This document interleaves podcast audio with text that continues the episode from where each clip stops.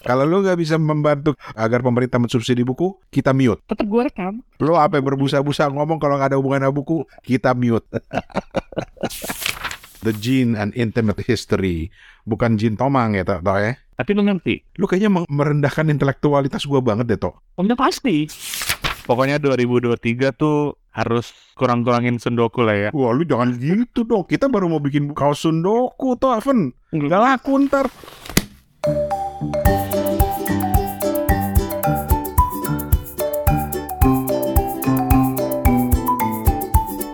Hey guys, Rane nih. Gue mau kasih intro dikit ya. Jadi ini adalah bagian kedua dari epidos ep, epidos episode perdana Kepo Buku di mana kami bertiga cerita tentang pengalaman membaca di tahun lalu dan juga rencananya tahun ini dan juga hal-hal lain yang ada hubungannya dengan buku lah. Soalnya kami nih kalau lagi ngobrolin buku suka tiba-tiba menyimpang, tiba-tiba ngomongin soal pemerintahan dan uh, kebijakan mereka tentang buku, tiba-tiba ngomongin soal uh, buku-buku yang murah dan lain sebagainya. Tapi ya itu adalah bagian dari kecintaan kami pada dunia perbukuan. Hai ya. Oh ya, terima kasih banget uh, sebelumnya untuk yang udah meninggalkan komentar yang memberikan ucapan selamat datang kembali. terima kasih dan juga mengomentari episode perdana kita minggu lalu. Senang rasanya dapat apresiasi dan apresiasi semacam inilah yang membuat kami kembali diingatkan. Hei, kalian punya teman banyak ini. Tanggung jawab kalau nggak upload-upload. Insya Allah tahun ini kami akan uh, mencoba untuk lebih seru lagi, lebih disiplin lagi dalam mengunggah episode-episode podcast kita khususnya berbagi cerita tentang buku-buku kepada teman-teman semuanya dan tentu saja kami menunggu kalau ada teman-teman yang juga mau memberikan masukan atau cerita tentang bukunya tentu sangat kami sambut dengan senang hati. Oh ya, makasih juga buat yang udah ninggalin jejak di buku tamu alias di kolom Q&A di Spotify kita. Ada Firda, ada Sandi, ada Gracia Sembiring. Terima kasih ya Firda, Sandi, Gracia. Dan ada seseorang yang tidak meninggalkan nama tapi komennya begini. Mantap, audionya lebih bagus. Waduh, editornya senang, ada yang nyadar. Alhamdulillah. Masih berusaha kita tingkatkan lagi eh, kualitas audionya. Maklum koneksi kami beda-beda kan. Toto di Singapura udah pasti ngebut dong koneksi internetnya. Gue di Ciputat dan Steven di Ambon ya 11-12 lah agak sedikit berbeda gitu. Makanya perlu ditingkatkan dari sisi audionya supaya teman-teman lebih nyaman dengerinnya gitu ya. Oke lah kita mulai aja lanjutan dari obrolan minggu lalu sampai di mana ya minggu lalu itu kemarin Steven udah Toto udah oh ya sekarang giliran gue terus juga oh yang gue ingat pertama kita juga ngobrolin soal gimana sih bisnis buku dan Steven adalah orang yang tepat untuk cerita soal bisnis buku soalnya dia ini calon juragan buku tolong diaminin saudara-saudara kita lanjut ya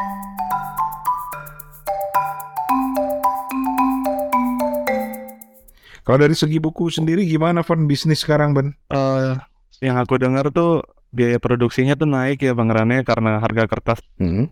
Jadi uh, harga bukunya kalau teman-teman lihat lebih mahal ya itu udah niscaya gitu. Hmm. Perbukuan di Indonesia itu mas dapat subsidi nggak sih sebenarnya? Enggak ya? Enggak, enggak bang. Mimpi. Seharusnya disubsidi ya Ran ya. Kalau gue bilang harusnya disubsidi. Mimpi. Ini deh harus 2024 yang berani politisi yang berani mensubsidi penerbitan buku, gue pilih deh. Iya. Bukan maksudnya, maksudnya kita juga misalnya kayak sekarang juga katanya mobil listrik juga kan disubsidi katanya gitu kan. Ya, ya, ya buku ya. juga disubsidi dong. Iya makanya, maksud gue kita kita nggak tahu ya, mungkin dari Diknas atau dari Ristek atau mungkin dari mana lah nggak tahu ya. Tapi belum pernah dengar tuh ada orang bikin buku disubsidi. Makanya gue bilang 2024 Mm -hmm. Kalau ada politisi atau presiden atau calon menteri segala macam yang bisa membantu supaya buku disubsidi, minimal lu bisa janji dulu nanti gampang kita uber. Iya. Yeah. kita pilih deh beneran. Iya, yeah, misalnya PPN-nya nggak ada gitu kan.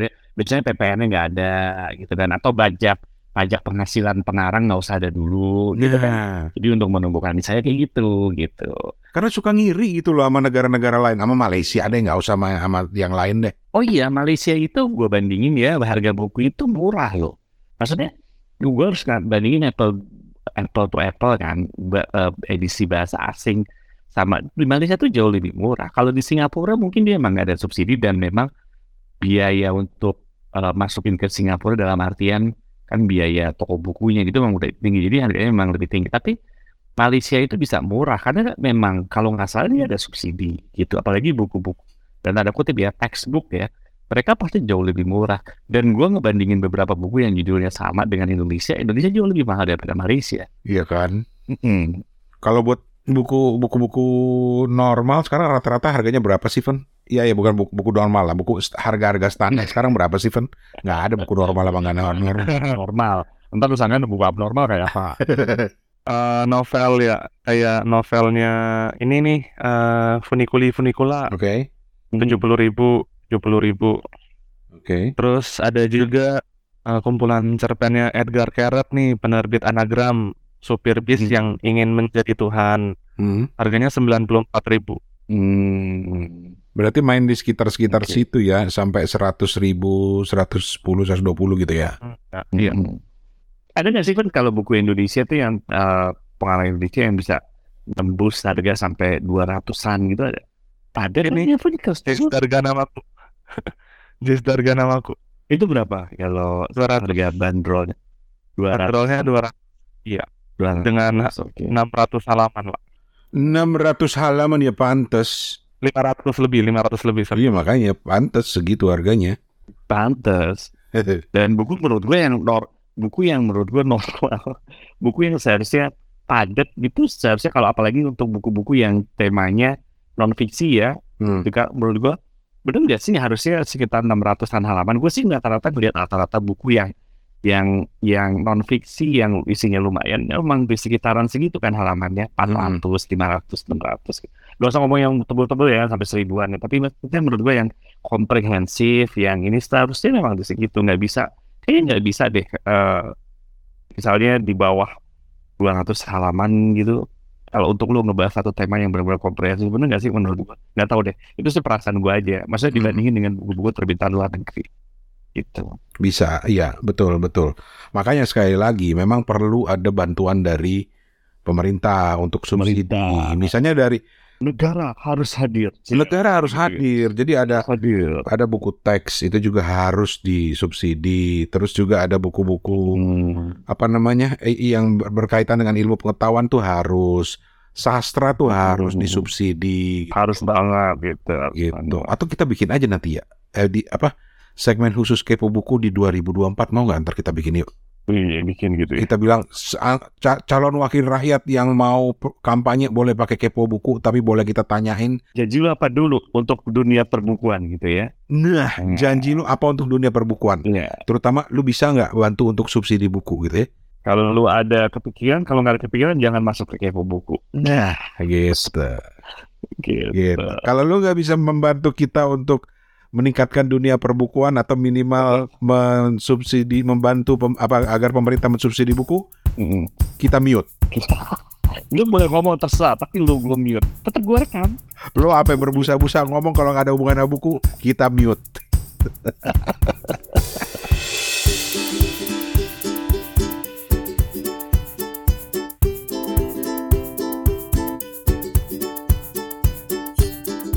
gue juga mau sharing buku gue jadi selama eh gue gua gua gua aktif lo baca uh, menjelang akhir ini. Mungkin karena gue tiga hampir tiga bulan ya kita ya nggak rekaman ya. Jadi sebenarnya kita itu kalau kita rajin rekaman itu pada dasarnya kita justru tidak baca begitu makanya. Nggak buka dapur oleh terus gimana kita bisa ngeri justru kalau kita nggak rekaman gue jadi jadi aktif baca buku. Tapi oke okay, gue itu lagi baca uh, yang paralel ya karena gue kan sekarang suka ganti-ganti antara fiksi dan non fiksi. Gue lagi baca bukunya Siddhartha Mukherjee yang uh, The Jinn. Itu buku apa? Siddhartha Mukherjee yang uh, mengenai kalau yang uh, the, the Emperor of Maladies itu kan lebih kepada tentang kanker ya. Mm -hmm. Kalau ini tentang gen manusia. Oke. Okay. Oh, gitu. Gene. The gene. Okay. The gene. The, uh, the gene and intimate has history. Bukan Jin Tomang ya tau, ya? Agak kayak gue dari dengarnya Jim gue pikir warnanya kan Jim nih sekarang nih gitu. Tapi ini tantangan banget sih karena tadinya gue lagi mikir antara gue mau baca The Emperor of Maladies atau The Jin, tapi mm-hmm. yang paling baru tuh The Jin ya. Apa gue baca The Jin dulu ya gitu. Tapi ya menarik juga sih, walaupun panjang, bukunya tebal, tapi gaya tulisan Siddhartha Muherji itu memang menarik sih. So ini yang lagi gue baca. Eh, itu buku ilmiah gitu, buku science gitu. Buku sains tapi di buku oh science yang populer ya, gaya, gaya tulisan dia populer. Oh. Siddhartha Mukherjee itu kan terkenal. Tapi lu ngerti? lu kayaknya merendahkan intelektualitas gua banget deh, Tok. Oh, ya pasti. ya pasti. Jadi itu Siddhartha Mukherjee. Nah, nah kalau tadi Toto ngomong soal mencatat, nah di buku Siddhartha Mukherjee ini gue malah lebih banyak mencatat. gitu. Jadi karena gue banyak poin-poin yang ingin gue catat gitu ya tentang tentang genetika itu. Terus buku-buku hmm. lain ya. Uh, seorang teman namanya Mas Jun, Dr. Junanto Herdiawan itu bikin buku judulnya Kapitalisme Tanpa Etika. Wah, Toto pasti suka nih, Kapitalisme Tanpa Etika nih. Beliau ini seorang bankir ya, seorang ekonom di Bank Indonesia, hmm. tapi juga kuliah di STF Drialkara dan dia menulis uh, tentang uh, beliau ini seorang doktor ilmu doktornya itu ilmu filsafat gitu. Oh. Jadi dia menulis uh, bukunya uh, Kapitalisme tanpa etika melacak pemikiran David Harvey tentang ketimpangan sosial. Ini kalau nggak salah nih tesisnya deh. Jadi buku buku filsafat ini ya. Buku filsafat. Pemikiran gitu. gitu. Nah, soal ngomong-ngomong soal filsafat juga, gue sekarang lagi mengambil koleksi sundoku gue. Banyak yang gue keluarkan lagi dan dan ini nggak nggak tahu ya ini ini nggak bukan kebetulan sih tapi gue salah satunya bukunya uh, almarhum Remi Silado. Oh. Perempuan bernama Arjuna filsafat dalam fiksi. Oh. Ini mengingatkan gue sama buku Dunia Sophie. Tahu kan Dunia Sophie ya? Sophie's World. Uh, uh, uh. Sebenarnya itu buku tentang sejarah filsafat gitu, tapi diceritakan dalam konteks uh, sosok seorang Sophie, seorang gadis gitu yang setiap hari mendapatkan surat bercerita tentang macam-macam hal yang terkait dengan dunia filsafat, tokoh-tokoh filsafat dan lain sebagainya. Nah, perempuan bernama Arjunanya Remi Selado ini udah lama gue beli karena memang gue tertarik karena dia bilang ini uh, filsafat dalam fiksi dan dikasih peringatan di halaman depannya bukan bacaan ringan. Mm. Bukan bacaan ringan. bukan bacaan ringan gitu.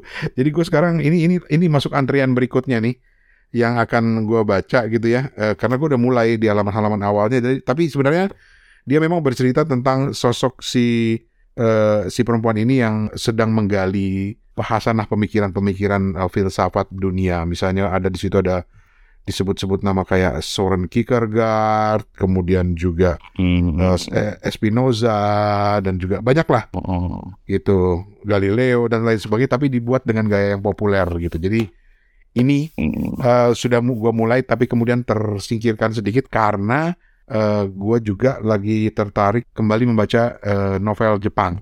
Nah, nama penulisnya unik. Cerah. Durian Sukegawa. Dulu, ah? Durian Sukegawa. Kok bisa ada durian? Dia ini seorang novelis, seorang profesor di Meiji Gakuin, Universitas Meiji Gakuin. Nama aslinya sih Tetsuya Sukegawa, tapi nama pena dia hmm. Durian Sukegawa dan buku yang lagi bener-bener lagi kepincut bikin gua kepincut banget bacanya itu judulnya uh, Sweet Bean Paste. Pasta oh. kacang merah. Eh udah diterjemahin ke bahasa Indonesia ya? Iya udah. Oh udah ada. Tapi belakangan beberapa tahun belakangan ini kayaknya banyak karya-karya pengarang Jepang diterjemahkan ya. Kalau gue ngelihat ada tren kayak gitu apa gue yang telat? Enggak, enggak, enggak. Emang banyak sih. Lu harus berterima kasih sama beberapa penerbit seperti Haru yang banyak menerbitkan novel Jepang. Uh, enggak, enggak. Gue enggak ngomong kasus Indonesia. Gue justru ngomong kasus luar negeri gitu. Oh, luar negeri. Nah, luar negeri. Uh, uh. Jadi ini kalau gue lihat sekarang tuh banyak eh ini uh, pengarang Jepang, eh ini pengarang Jepang lagi, eh pengarang Jepang gitu. Kalau gue rasa lebih banyak yang diterjemahkan sekarang ke dalam bahasa Inggris gitu. Dan memang topik-topiknya kan unik ya. Kayak hmm. tadi tadi uh, yang barusan tanya uh, sweet bean cake apa? Uh, sweet bean paste. Uh, sweet sweet bean paste gitu kan. Kan unik-unik gitu ya. Dan ceritanya karena menurut gue kadang-kadang suka apa ya namanya? Surrealis apa sih? Surya Udah dia balik ke kata-kata surrealis. Eh tapi sebenarnya mungkin bukan surrealis lah. Kayak Sweet Bean Paste ini kan apa? uh, ceritanya apa premisnya sederhana sebetulnya. Seseorang lelaki yang tiap hari jualan kue dorayaki. Lu tahu dorayaki kan, Tok? Mm -hmm. Kayak kue apem, ya ya kuenya Doraemon lah gitu ya. Kue apem yang di tengahnya itu ada ada apa tuh Van kalau terjemahan bahasa Indonesianya Van yang judul bukunya? Pasta kacang merah. Pasta ya. kacang merah. Ah, ah, jadi jadi dari kacang uh, dari pasta kacang merah di, diapit dengan kayak uh, kue apem gitu. Uh, itu itu namanya dorayaki gitu. Nah, premis itu cuma itu. Dia dia bikin kue itu setiap harinya. Uh, pasta kacang merah itu kan selalu jadi andalan untuk kue dorayaki ya. Semakin bagus kualitasnya semakin mahal. Tapi selama ini dia cuma males aja jadi dia beli dari grosiran aja lah gitu. Tapi kemudian dia berkenalan dengan seorang nenek-nenek mm -hmm. yang membantu membuatkan pasta kacang merah yang bagus dan itu membuat dagangannya laku. Itu aja premisnya sebenarnya. Nah nanti ke depan ke, ke seterusnya seperti apa, gue nggak mau nggak mau bocorin dulu karena gue juga lagi dalam proses membaca gitu ya. Mm -hmm.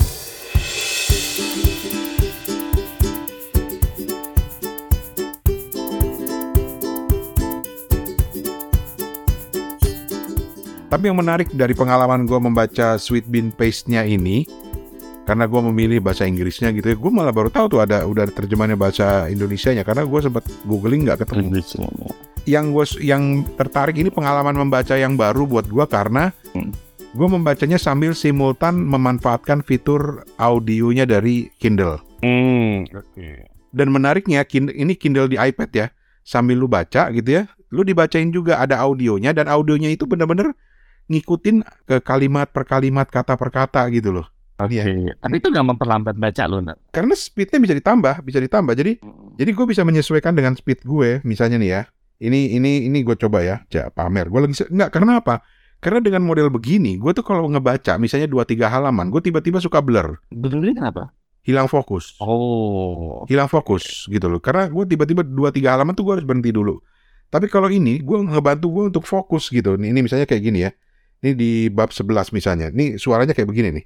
Set 11. Summer arrived in full force.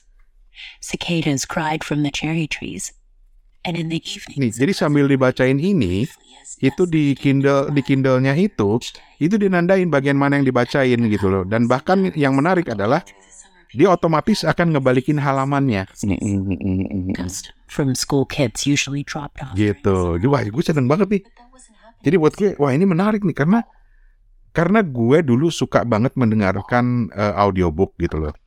Tapi buat gue audiobook itu memerlukan fokus tersendiri, kemampuan fokus tersendiri.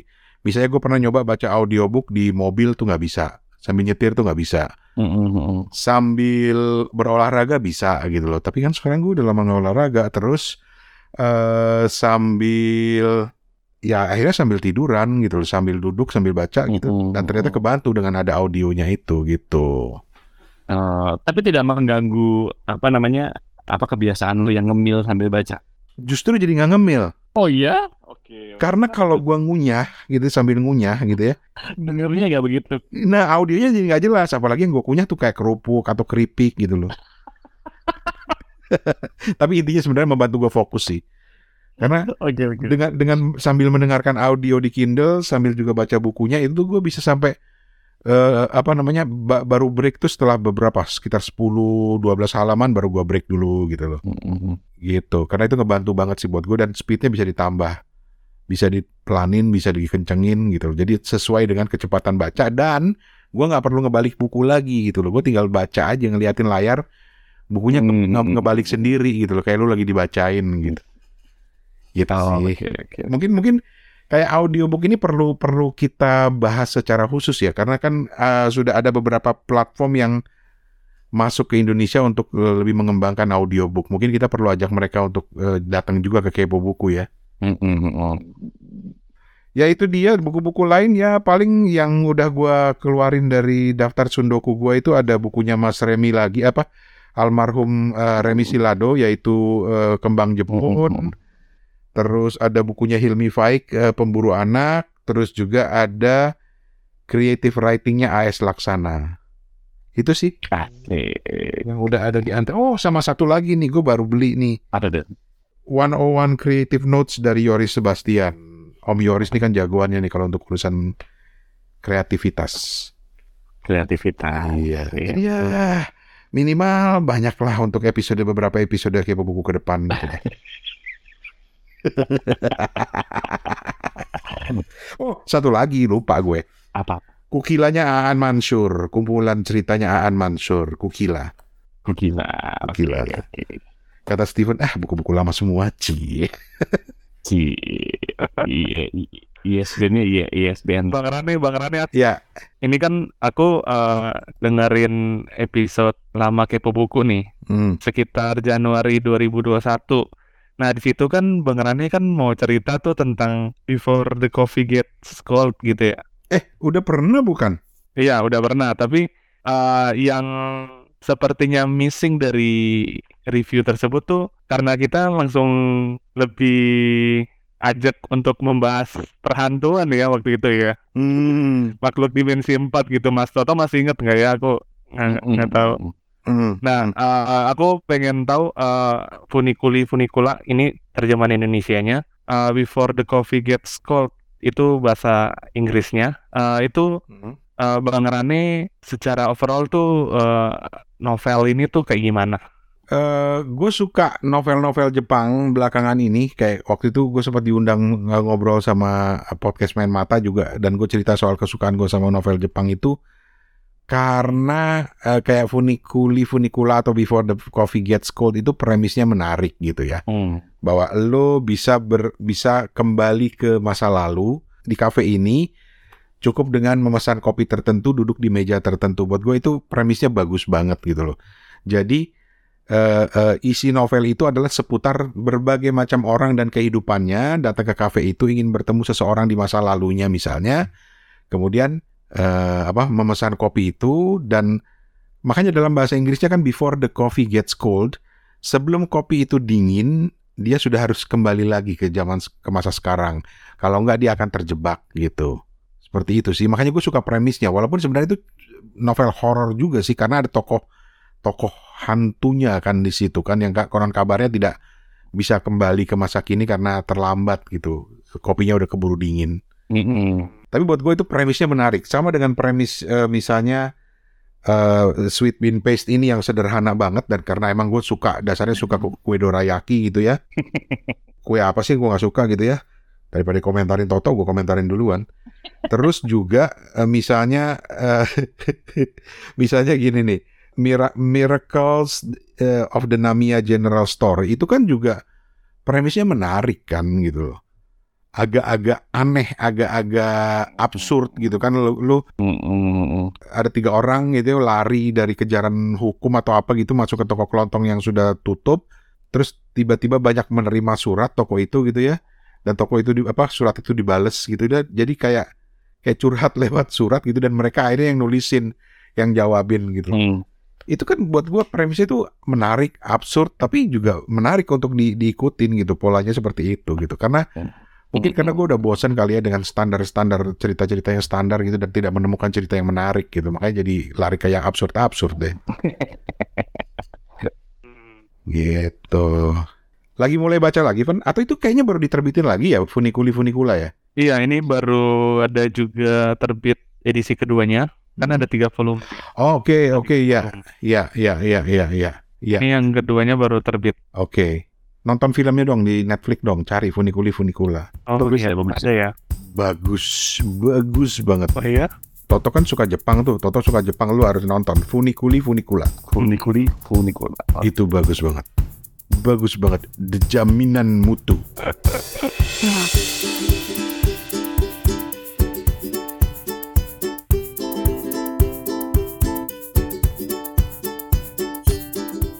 begitulah eh, obrolan perdana kita. Kita nggak tahu nih ke depannya gimana karena nanti kita akan mulai juga masukin beberapa tamu. Misalnya eh, ada eh, balai pustaka. Kita juga sempat ngobrol tentang balai pustaka apa kabarnya mereka masih bikin buku-buku sastra atau enggak. Ternyata banyak cerita-cerita menarik. Cuma harus heavy editingnya karena kita rekamnya pakai zoom jadi agak jelek kualitas audionya. Jadi harus diedit-edit dulu terus juga eh, ada beberapa lah tamu yang sedang kita siapkan tapi kita serius loh soal itu tuh 2024 pengen banget ngundang politisi yang mau serius di dunia perbukuan Indonesia kita dukung deh Totonya Toto yang to, Kalau kan lu aja deh saya kan nyalonin diri lah. Iya, gue nyalonin diri aja ya. Didukung ya, didukung ya. Oke. Dukung lah minimal lo Oke. pilih lah. Ya udah jadi nanti gue jadi ini deh. Gue nyalonin diri jadi wakilnya Pak Ganjar deh. ya mimpi kan boleh toh. Iya boleh. Iya. Atau diwujudkan juga boleh. atau wakilnya wa- wakilnya Pak Anies deh kan dia sangat peduli pada pendidikan. Jadi nanti gue yang akan Ah. memajukan dunia perbukuan Indonesia gitu. Asik. Oke. Ya udah kalau begitu eh, kita ketemu di episode berikutnya. Jadi harus ngatur waktu ngobrol lagi. karena karena yang menarik ya, gue menarik ya kalau taruh tahun-tahun lalu tuh kan, wah Steven apa Toto oh, lagi ke sini, Toto lagi ke Inggris, Toto lagi ke Jepang, Toto lagi ke Thailand gitu kan. Eh, susah nih gini-gini. Sekarang Steven pun udah susah waktunya udah jadi pengusaha sukses kayaknya nih. Oh iya susah gitu. Tapi gue tadi kan ngomong-ngomong editor ya, gue tuh mungkin beberapa saat ini editor lu lagi seneng gitu begitu. Ya, Rane Toto, Steven rekaman lagi. Mulai lagi, udah pusing gue deh gitu. Mulai lagi deh gua ngedit. Ada yang mulai lagi. Kayaknya udah beberapa bulan ini udah gue tenang. Oh iya ya, karena kepo buku tuh dieditin, sempat dieditin gitu loh. gitu. Eh, pokoknya 2023 tuh harus kurang-kurangin sundoku lah ya. Wah lu jangan gitu dong, kita baru mau bikin buku kaos sundoku tuh Aven. Gak laku ntar kaos sundoku kita. Iya. Sama lah. Aduh, ini anti marketing ya jadinya. ya. Anti marketing. Tapi kenapa lu bilang tiba-tiba kurang-kurangin sundoku?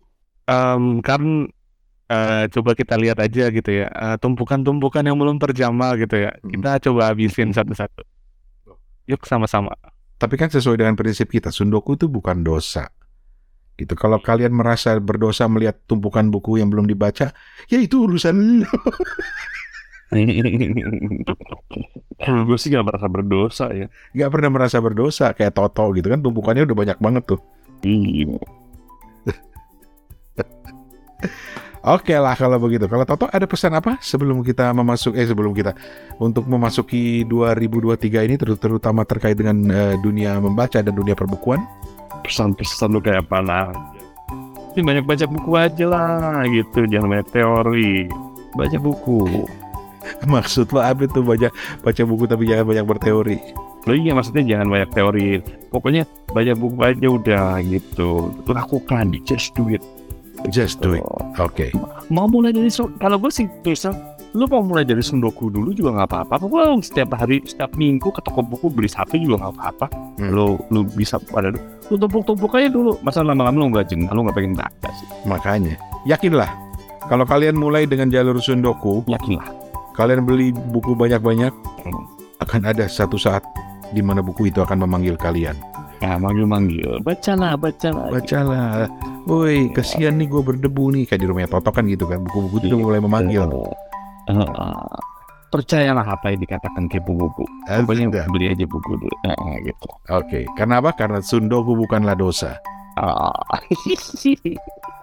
Yang dosa adalah kalau kalian mau sundoku tapi bukunya tidak dibeli, tapi dicuri. Nah, itu lain masalah itu.